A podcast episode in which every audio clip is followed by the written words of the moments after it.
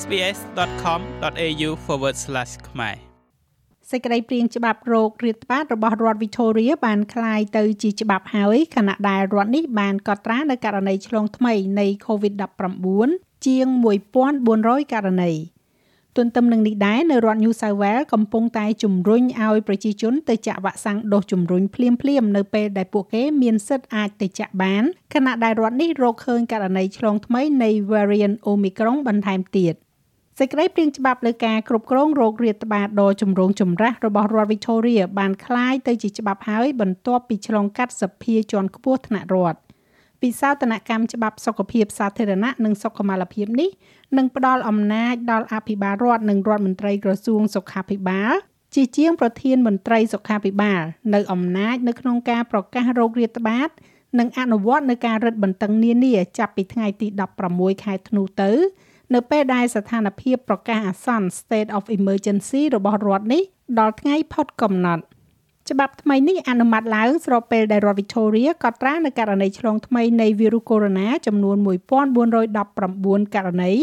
និងស្លាប់10នាក់នៅថ្ងៃប្រហ័សនេះលោក Daniel Andrews អភិបាលរដ្ឋ Victoria មានប្រសាសន៍ថាការបន្តធ្លាក់ចុះនៅចំនួនអ្នកចូលសម្រាប់ព្យាបាលក្នុងមន្ទីរពេទ្យគឺសំខាន់ជាងតួលេខឆ្លងដែលកើនឡើងខ្ពស់នោះ Well case numbers are less relevant today than they've ever been. ចំនួនករណីឆ្លងមិនសូវសំខាន់ដូចមុនទៀតទេសប្តាហ៍ថ្ងៃនេះជាការពិតមានការបំលែងករណីឆ្លងសរុបទៅជាការចូលសម្រាប់ព្យាបាលនៅក្នុងមន្ទីរពេទ្យសរុបវិញប៉ុន្តែនិន្នាការនេះយើងកំពុងមើលឃើញមនុស្សតិចទៅតិចទៅនៅក្នុងមន្ទីរពេទ្យហើយវាពិតជាសំខាន់ខ្លាំងណាស់ចំនួនមនុស្សដែលប្រើម៉ាស៊ីនដើម្បីជួយឲ្យពួកគេដកដង្ហើមបានកំពុងតែធ្លាក់ចុះជាលំដាប់ឥឡូវនេះវាមានចំនួនតិចតួចបើធៀបទៅនឹងអ្វីដែលកើតឡើងកាលពីមុន។ ទន្ទឹមនឹងនេះករណីទី7នៃ variant COVID-19 បំផ្លែងថ្មី Omicron ត្រូវបានគេអះអាងឡើងនៅក្នុងរដ្ឋ New South Wales ក្រសួងសុខាភិបាលរដ្ឋ New South Wales និយាយថាករណីឆ្លងចុងក្រោយនេះ គឺជាមនុស្សម្នាក់ដែលមិនបានទៅកាន់ទ្វីបអាហ្វ្រិកខាងត្បូងនោះទេ ហើយគេជឿថាពួកគេអាចឆ្លងមេរោគនេះនៅលើជើងហោះហើរអន្តរជាតិ បុគ្គលម្នាក់នោះបានទៅដល់ទីក្រុងស៊ីដនីតាមជើងហោះហើរ QR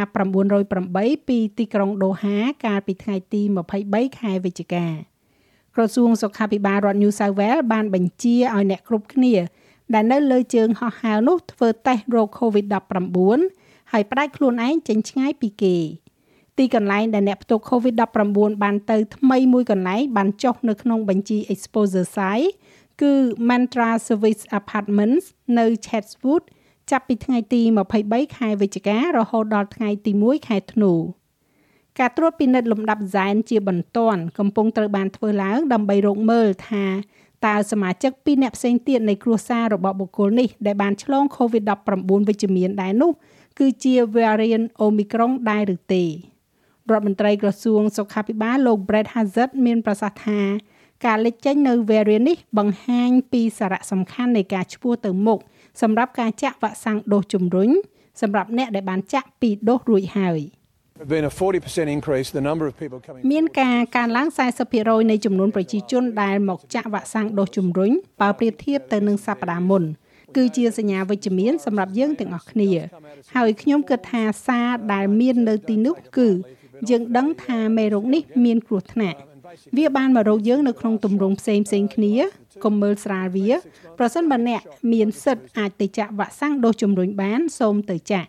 ជាមូលដ្ឋាននោះគឺជាការចាក់ដូសចុងក្រោយរបស់អ្នកប្រសិនបើអ្នកចាក់ដូសទី2បានលើសពី6ខែហើយសូមទៅចាក់វ៉ាក់សាំងរបស់អ្នកនិងទៅចាក់ដូសជំរុញនៅឯរដ្ឋអូស្ត្រាលីខាងត្បូងវិញបានកំណត់នៅអត្តសញ្ញាណករណីឆ្លងថ្មីនៃ COVID-19 នៅក្នុងស្រុក ចំនួន18ករណីនៅថ្ងៃប្រហ័សនេះដែលក្នុងនោះ16ករណីជាប់តាក់ទងទៅនឹងការជួបជុំនៅសាលារៀនមួយនៅ Adelaide ការជួបជុំនេះមានការចូលរួមពីអតីតអភិបាលរដ្ឋលោក Jay Vetriel ដែលបានធ្វើតេស្តវិជ្ជមានចំពោះមេរោគនេះ Governor Francis Adamson មេដឹកនាំបក Labor លោក Peter Malinauskas និងអនុប្រធានរបស់លោកគឺលោកស្រី Susan Close ត្រូវបានកំណត់ថាជាទំនាក់ទំនងជិតស្និទ្ធ ហើយបានធ្វើតេស្តឃើញអវិជ្ជមានទាំងអស់ប៉ុន្តែនៅក្រោមច្បាប់នាពេលបច្ចុប្បន្នពួកគេនឹងត្រូវដាក់ឲ្យនៅដាច់ដោយឡែកពីគេរយៈពេល7ថ្ងៃប្រធានមន្ត្រីសុខាភិបាលលោកស្រី Nicholas Spurrer មានប្រសាសន៍ថាវាទំនងជាករណីទាំងនេះគឺជា variant Delta ប៉ុន្តែលោកស្រីនឹងមិនបញ្ចេញទីតាំងប៉ះពាល់ exposure site ថ្មីៗទាំងអស់នោះទេ We have 18 new cases to report. យើងមានករណីថ្មីចំនួន18ដើម្បីរាយការណ៍នៅថ្ងៃនេះ16ករណីទាំងនោះត្រូវបានផ្សារភ្ជាប់ទៅនឹងអ្វីដែលយើងកំពុងហៅថាជាចង្កោម Norwood ហើយករណីពីរផ្សេងទៀតគឺជាអ្នកដំណើរឆ្លងរដ្ឋដូច្នេះនៅដំណាក់កាលនេះករណីទាំងអស់ដែលយើងមាននៅក្នុងរដ្ឋរបស់យើងត្រូវបានផ្សារភ្ជាប់គ្នាហើយវីរុសកូវីដ -19 នេះក៏បានឆ្លងទៅដល់សហគមន៍ជនជាតិដើមភាគតិចនៅតំបន់ដាច់ស្រយាលមួយផ្សេងទៀតនៅក្នុងដែនដីភាគខាងជើងផងដែរ។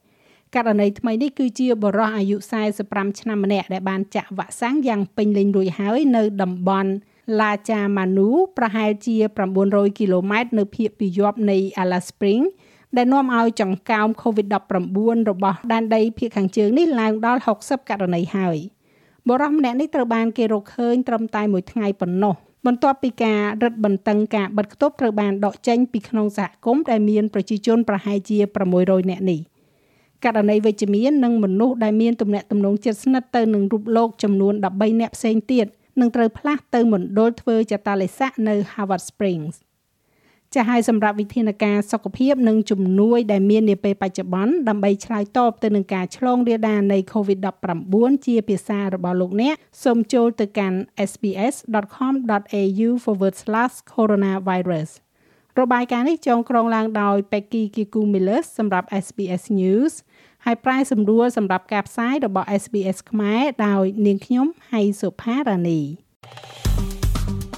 ចុច like share comment និង follow SBS ខ្មែរនៅលើ Facebook